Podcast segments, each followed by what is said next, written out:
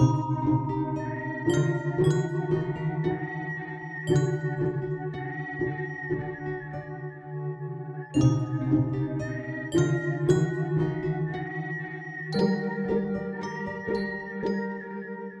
och välkomna till Vacancy Podcast och det här är det 18 avsnittet. Och eh, det är jag, Erik Nyström. Och jag, Magnus Johansson.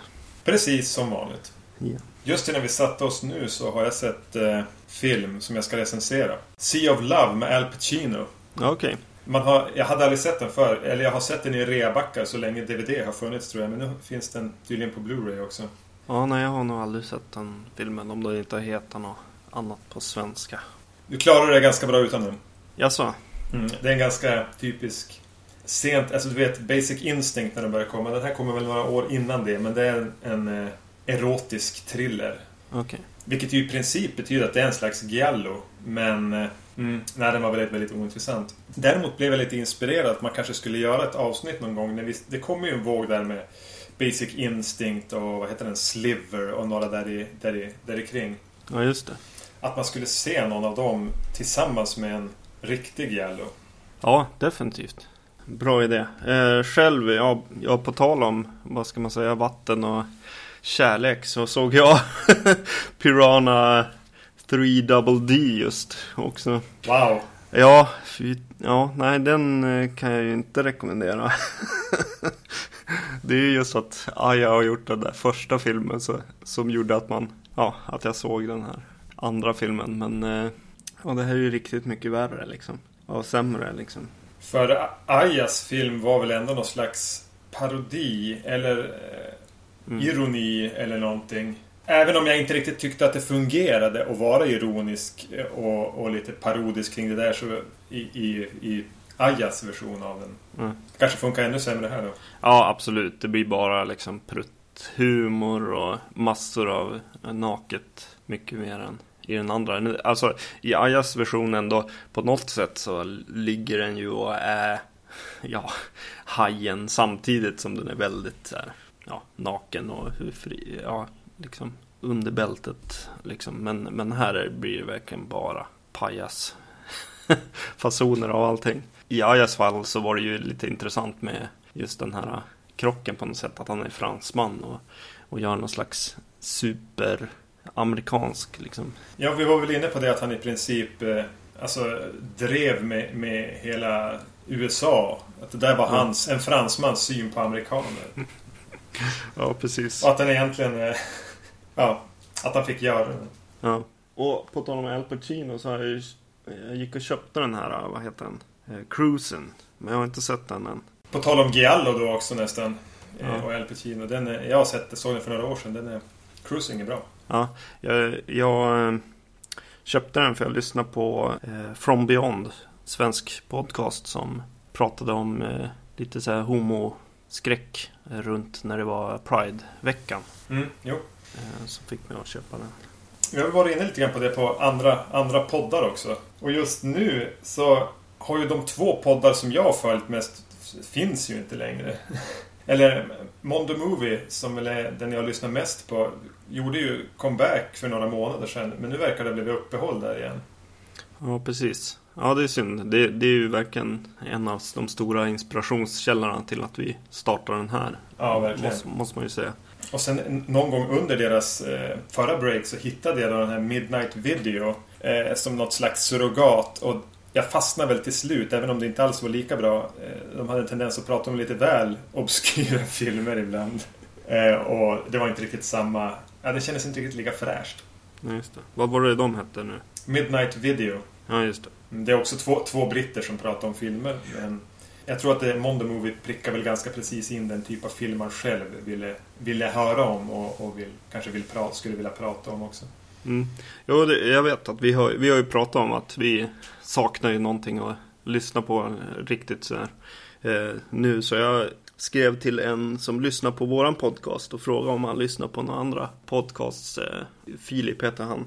Och eh, frågade om det fanns några liksom, skräckfilmspodcasts. För det som det de tenderar att bli om man lyssnar på vad heter de, Dread Central och, och de här amerikanska hemsidorna. De, Ja, jag har aldrig varit inne, jag har aldrig lyssnat på dem. nej, men de blir ju, de blir ju väldigt liksom grabbiga, väldigt amerikanska liksom.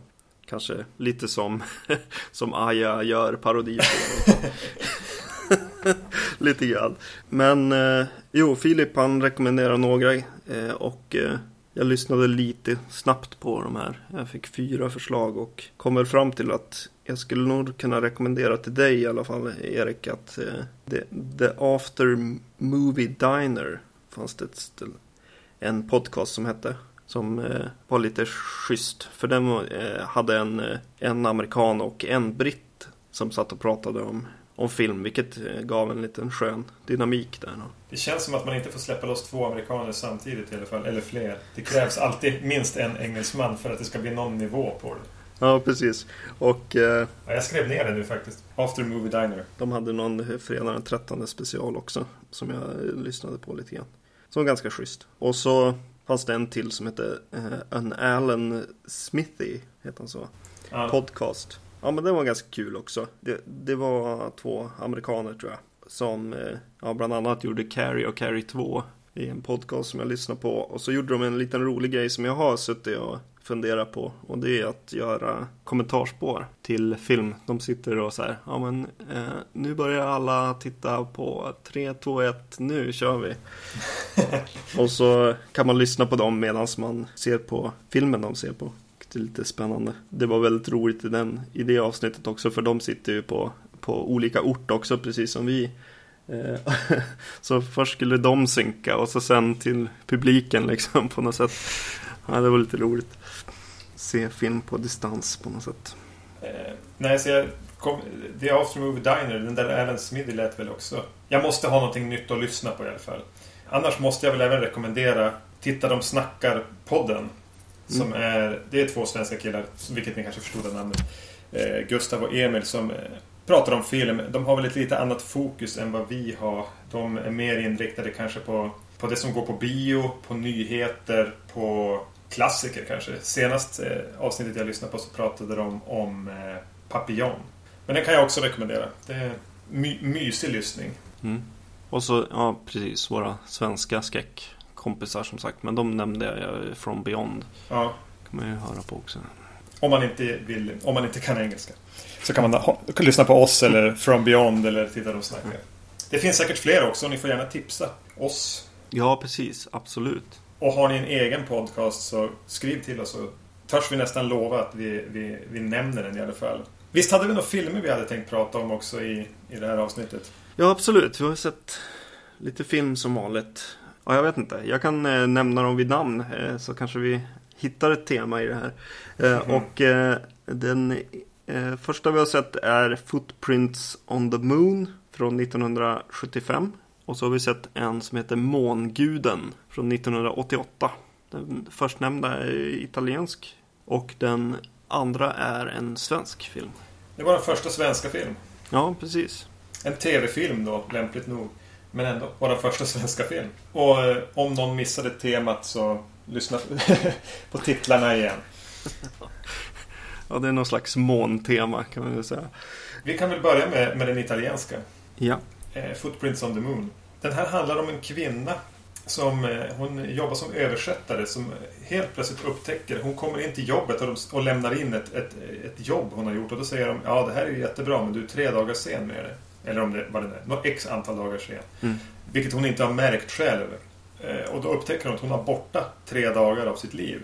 Eh, och då, hon funderar, har jag sovit länge? Har jag varit stressad och helt enkelt sovit i tre dagar? Tills hon börjar upptäcka att hon nog har varit någonstans. Eh, Hon hittar ett vykort som är från en stad som heter Garma.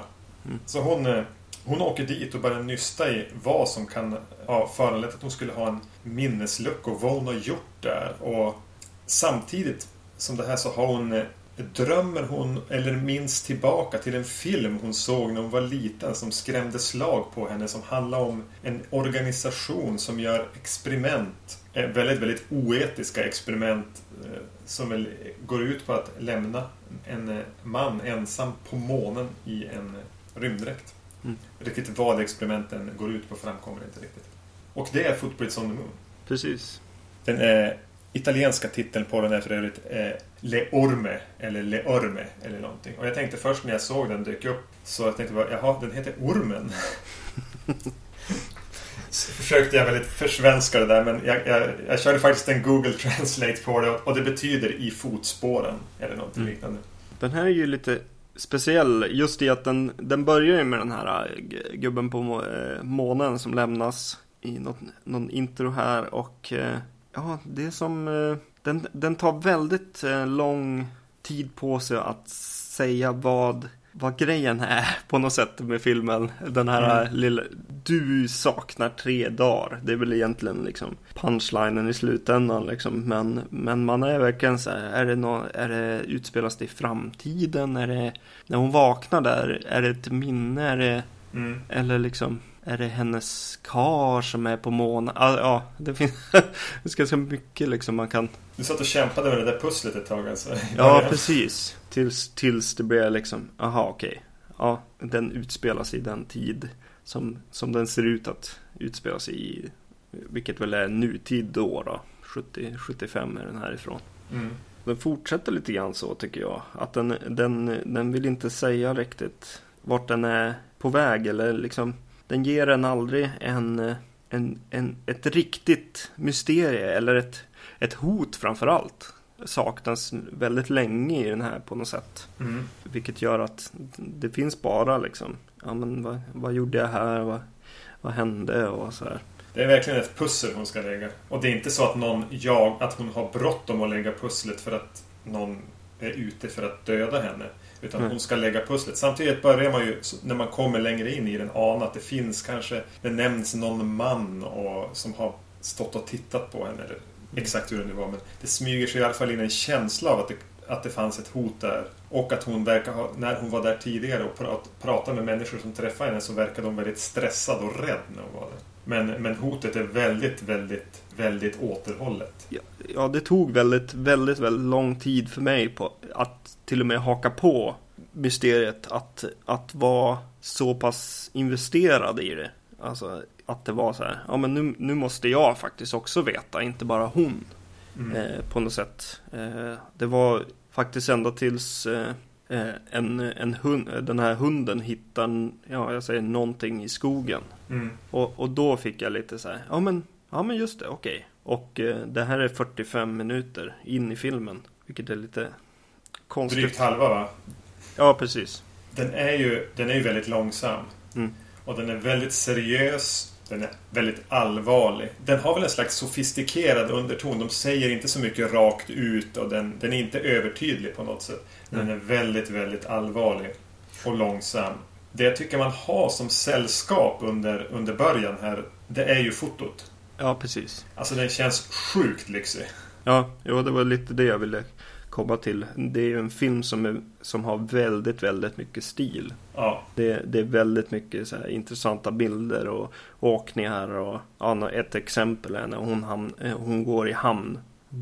Eh, hon åker båt hit va? Ja. Eh, ja, så går hon, går hon av och det är en stor bild på, på, eller en bild ut från en byggnad som kameran är i. Tittandes ut genom ett stort, stort fönster.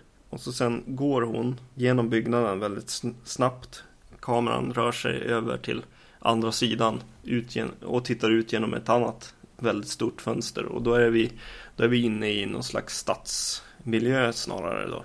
Mm. Eh, vilket jag tyckte var som en härlig åkning mellan två intressanta bilder. Liksom. Ja, det är väldigt, väldigt genomarbetat foto. Eh, för fotot står ju Vittorio Storaro som är en av de erkända fotograferna. Han har ju bland annat det jag tänker, han har, han har fotat The Bird with the Crystal Plumage. Mm.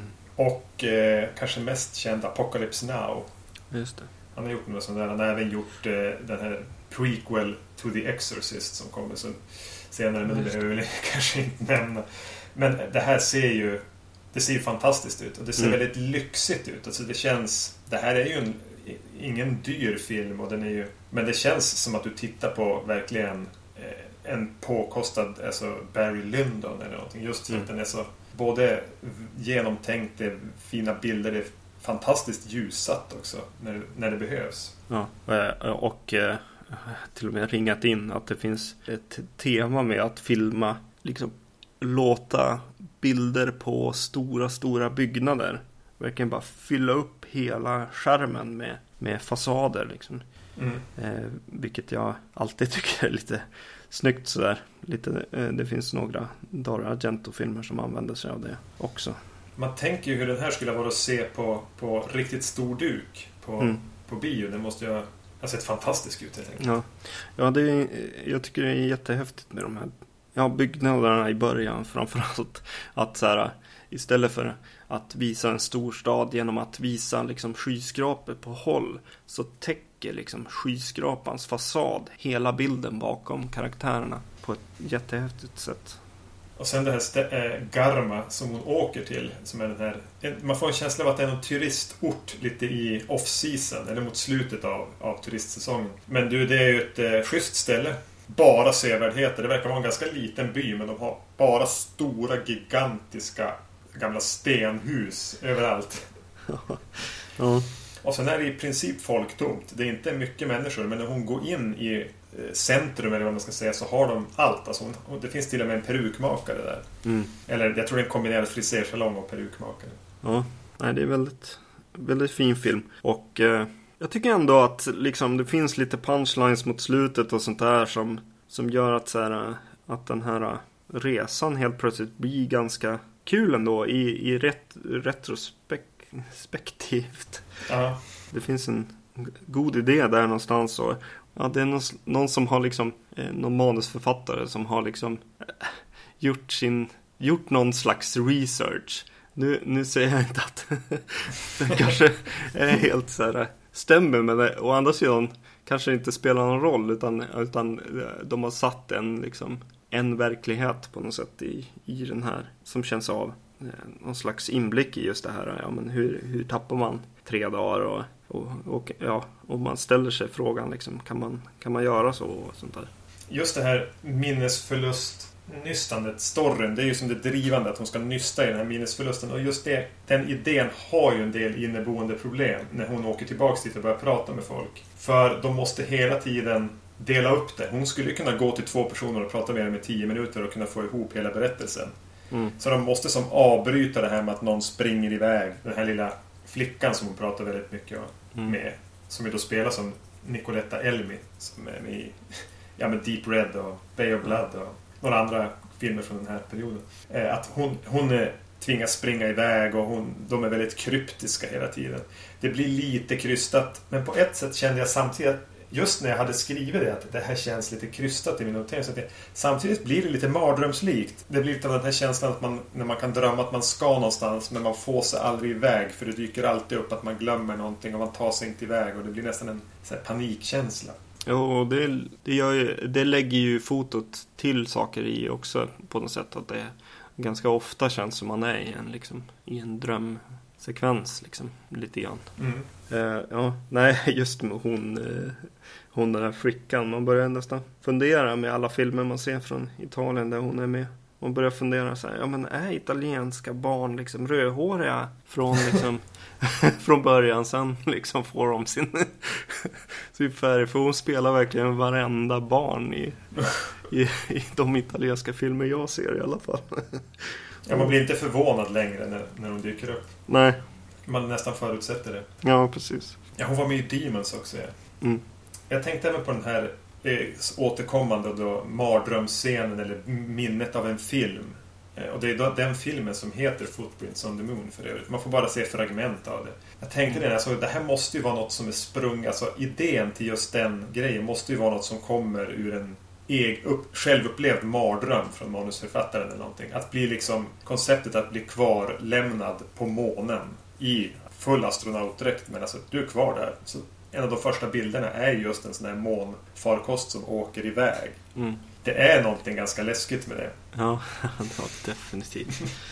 Och sen är det, klipper det ju till några män som sitter och tittar på det här i ett eh, kontrollrum också. Mm. Eh, och där får vi ju en väldigt, väldigt dubbad Klaus Kinski. Absolut, och hans, hans hjälpreda där, han, han pratar fast att han inte ens rör, rör munnen. Jag vet inte. Nej, jag satt också och tänkte på det där. Så är det meningen att, att är det en, en konstnärlig touch eller han står bara han står en bit bort i lite halvdunkel. Så man ser inte tydligt att munnen inte rör sig men, men man ser det ändå. Nej, precis. Och eh, på utgåvan som jag har så vet det, eh, följer med en trailer och där är det ju verkligen bara starring Klaus Kinski. Och han är väl med i liksom, några liksom, klipp, inte ens en scen. Liksom. Nej, sammanlagt är det nog inte ens en minut. Eller, nej, det är det inte. 25 sekunder kanske. Så om man är, man ska inte, om man är ett Klaus Kinski-fan så tror jag man kommer och köper den och vill se den här filmen på grund av Kinski så kommer man att bli gruvligt besviken. Ja. Eh, när hela historien knyts ihop i slutet och eh, vi får några svar så kommer det även en, en, en text, en förklarande text. I alla fall gjorde det, för, eh, gjorde det i den version du såg. Jag minns inte. Eh, för jag valde att se den här på italienska. Mm. Eh, det gjorde kanske du också? Nej, jag såg den på den här mix, någon slags mix.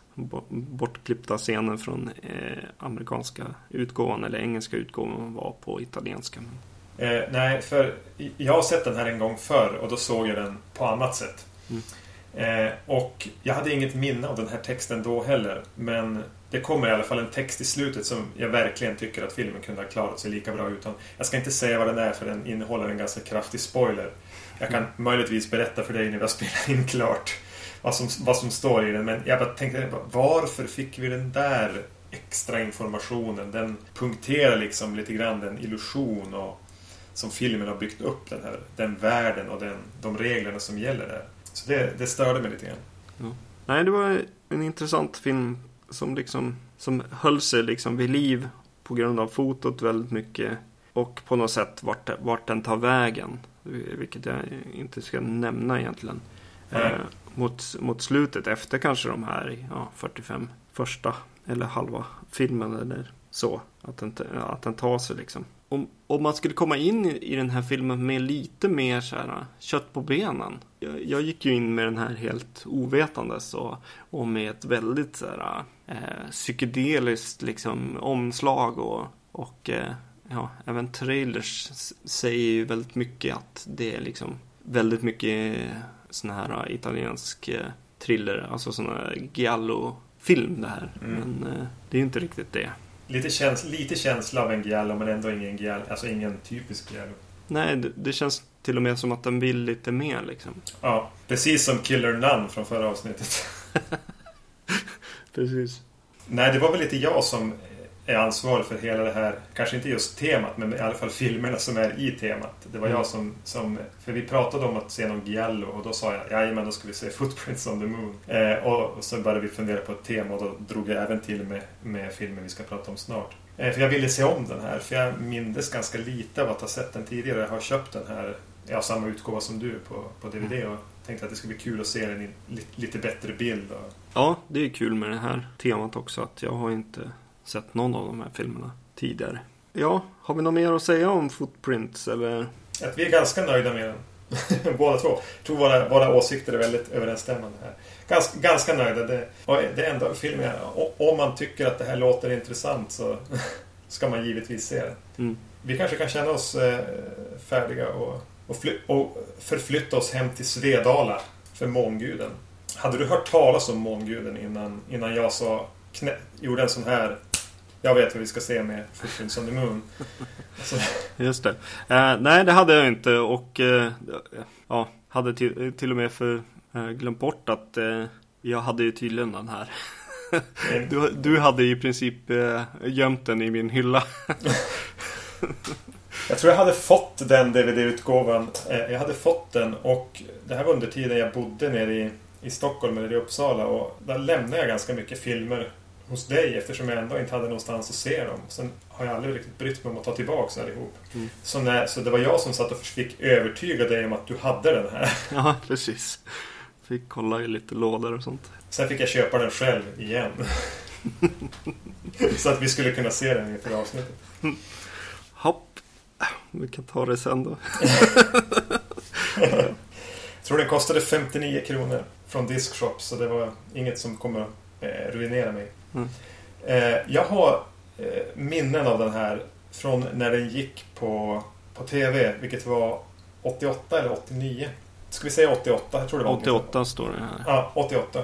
Mm. Eh, inte att jag såg den då, utan att jag såg eh, på TV en, en, en trailer för den, att den skulle gå. Och jag blev väldigt fascinerad. Man fick se bland annat en, en, med en vit mask som kom och gick och höll i något form av vapen. Eh, det är i princip den minnesbilden jag har av den. Mm. Eh, och redan då var jag väldigt fascinerad av det här med en maskerad mördare. Förmodligen hade jag väl hört talas om fredag den 13. Men jag tror inte jag hade börjat se filmen. Det här var jag trots allt bara nio. mm. Och jag vet att jag pratade med någon om, om att den här skulle gå. Jag, jag var jättespänd på den. Tyckte den verkade jättehäftig. Men sen blev det aldrig att jag såg den. Den gick nog alldeles för sent egentligen.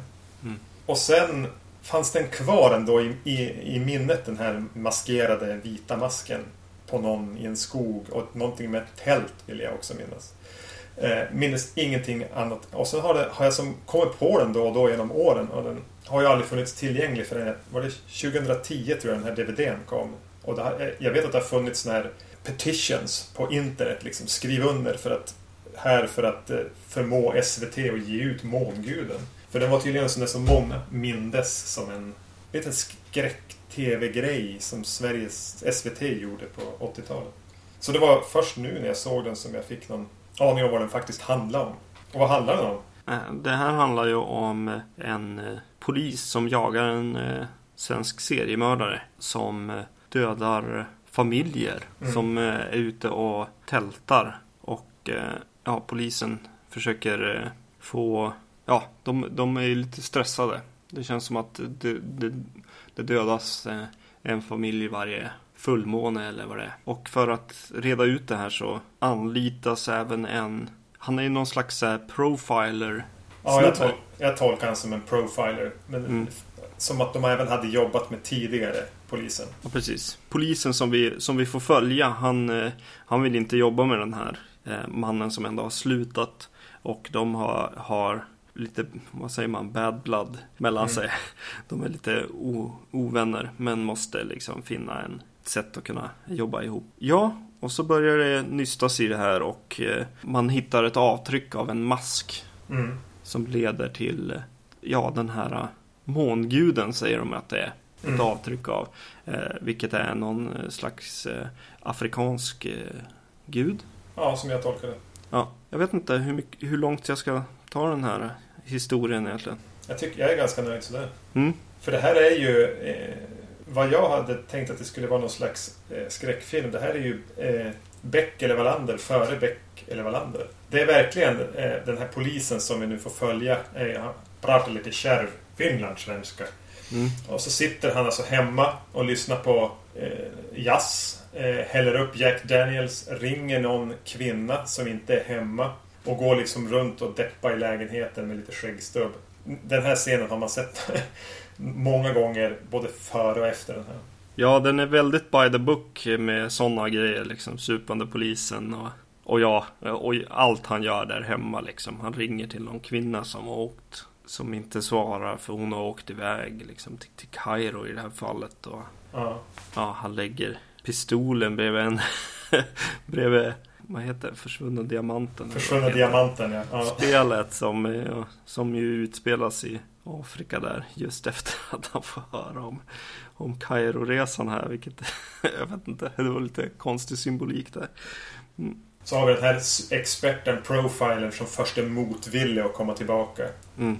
Men ändå kommer tillbaka. Tänkte på att han heter Salander förresten. Ja, jag tänkte.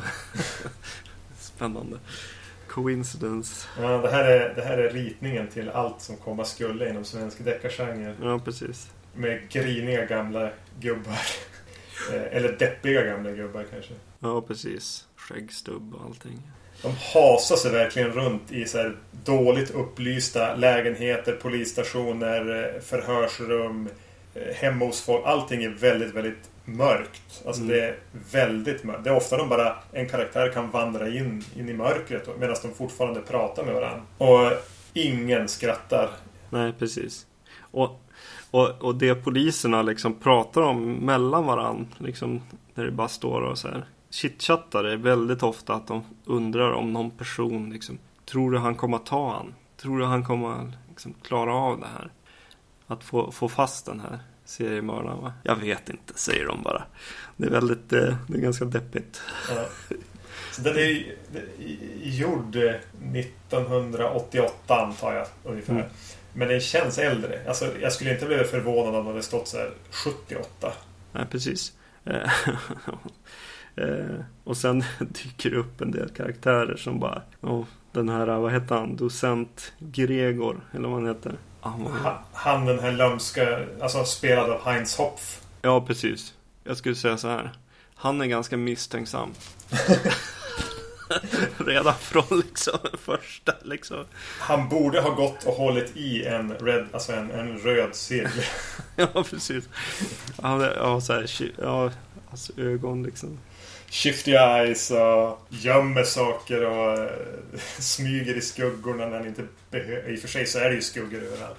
Så det är mm. svårt att inte smyga i skuggorna. Ja, så på tal om karaktärer. Eh, den här gurun, eller är det huvudpersonens pappa? Som är, eller är det bara en fadersfigur? Som sitter i ett så här syr, ligger i ett syrgastält. Mm. det är liksom... Han är där och pratar med några gånger. Han, eh, jag uppfattade heller aldrig varför. Han bara var sjuk eller hade varit med om någonting. Ja. Förstod du backstoryn på den här fadersgestalten i syrgastältet? Nej, precis. Han är ju... Eh, eh, det är ju hans eh, riktiga pappa och deras eh, konflikter mellan han och vad heter det, den här... Eh, Salander. Salander eh, kretsar ju kring, eh, kring den här pappan. Att, eh, ja, men det, det, klassiska att pappan kanske ser den här Salander som mer av en son eller, eller förhoppningen på eh, sonen på något vis.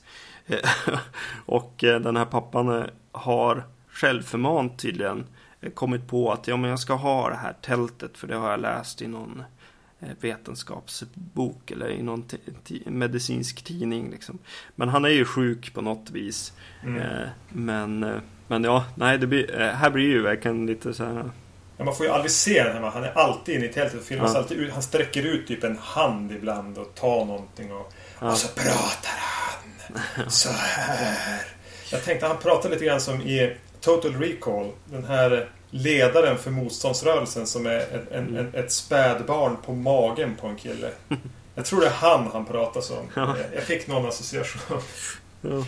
Det blir lite svårt att inte skratta då. Nej. Eller det blir jättesvårt. Ja, det är intressant. Eh, eh, jag hör på dig liksom. Du var, tyckte att det var lite väl så här by the book. För mig så blev det en stil liksom. Det blev så här, ja men det ska vara så här. Och även i dialogen så känns det som att, ja de säger typ, han har inte de vanliga spärrarna och lite sådana, liksom äh, jätteskrivna liksom. Ja just det, lyssna på den här. Jag skrev ner ett bra exempel på det. Han reproducerar ett underliggande trauma. Ja just det. Och, äh, ja, ja, ja det hände något konstigt i mig där det kändes som att Jo men det här är i alla fall skriven Jag vet inte Det är någonting med att Jag tappade bort liksom det här Den spärren som jag brukar ha med just eh, eh svensk eh, skådes, Svensk skådespeleri att, att det gärna blir lite teatraliskt och Alltså, lite, eller teaterskådespeleri helt enkelt. Och man ska prata lite högt och lite tydligt och så.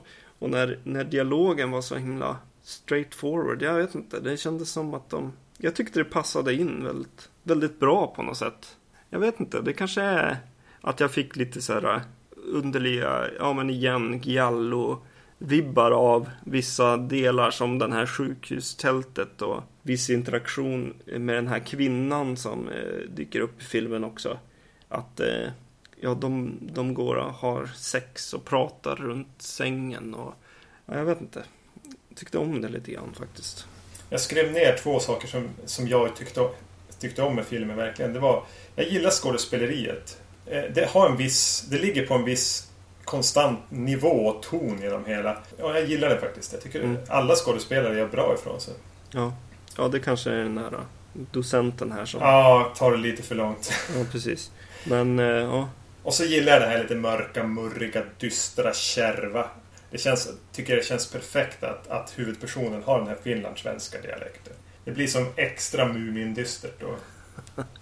ja, Ja, jag, jag, kände att det blev så här, ja men det blev som en över, den här överdrivna hyllningen till liksom andras verk och... Men tror du den var det när den kom? Eller är det historien som har... De, de, de ja, vi är 25 år som har gått sedan den kom som har gett den den patinan. Ja, jag ville, jag ville verkligen veta eh, om det.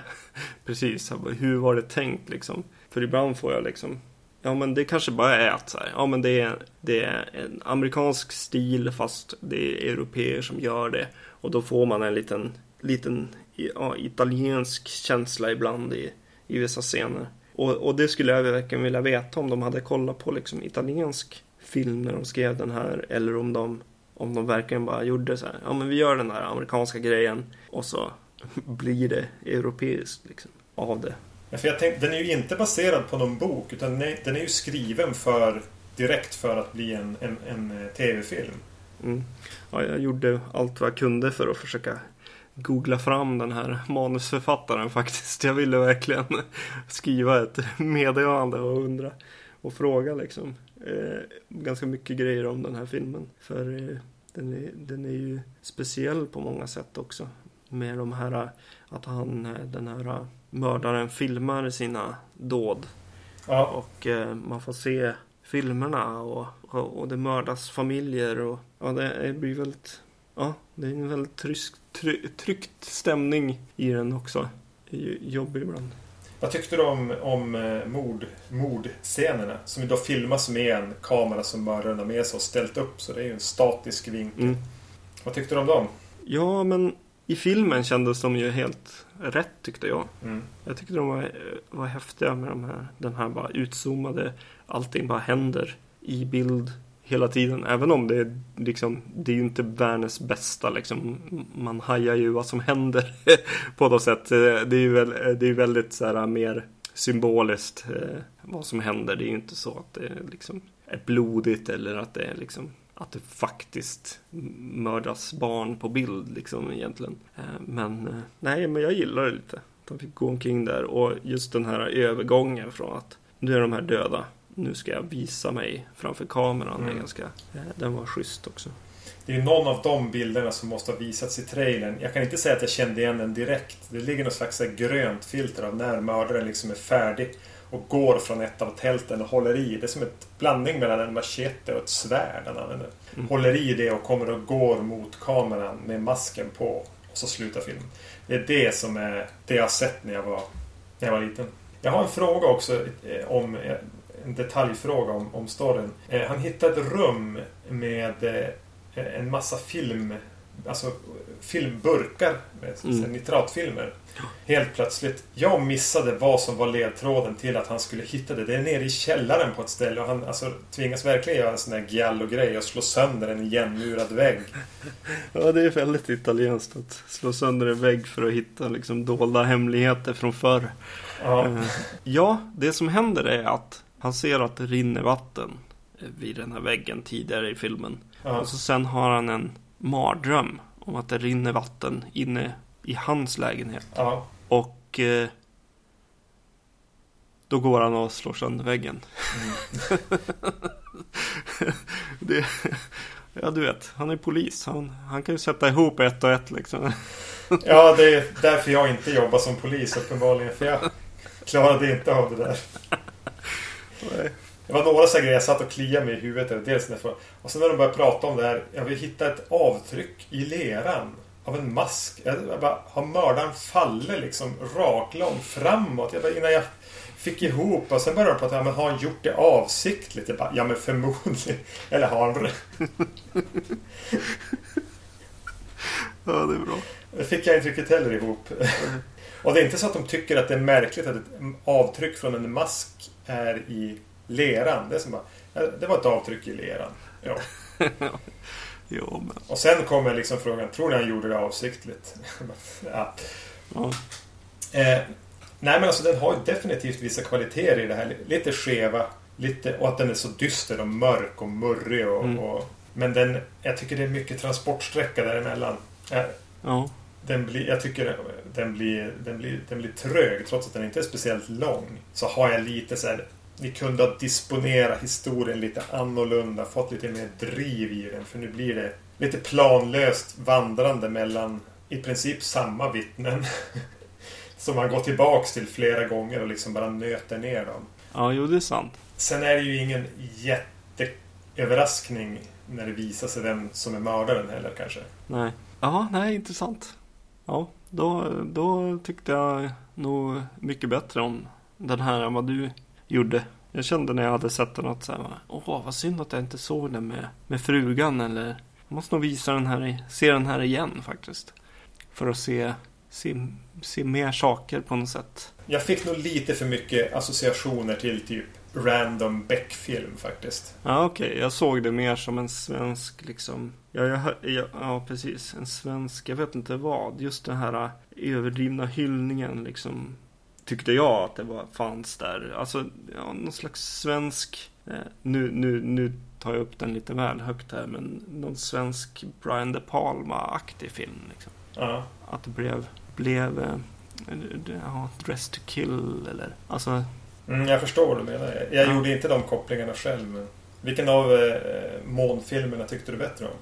Ja, som du säger om, om månguden, att han hade, hade för mycket liksom, långa liksom, transportsträckor. Det tyckte jag om, om eh, Footprints on the Moon. Om den hade tidigt investerat mig på något sätt, liksom, gett mig någonting, någon liten mer hook, så skulle jag, skulle jag nog gilla den bättre. Jag ska, ja, nej. Äh, Footprints är en bättre film. Det är det. Men jag hade nog liksom mer lätt att se månguden. Om man ska säga så. jag vet inte. Uh, det var, i, I jämförelse med de här två så är vet du, månguden någon slags popcornrulle egentligen. Ja, det är det ju definitivt.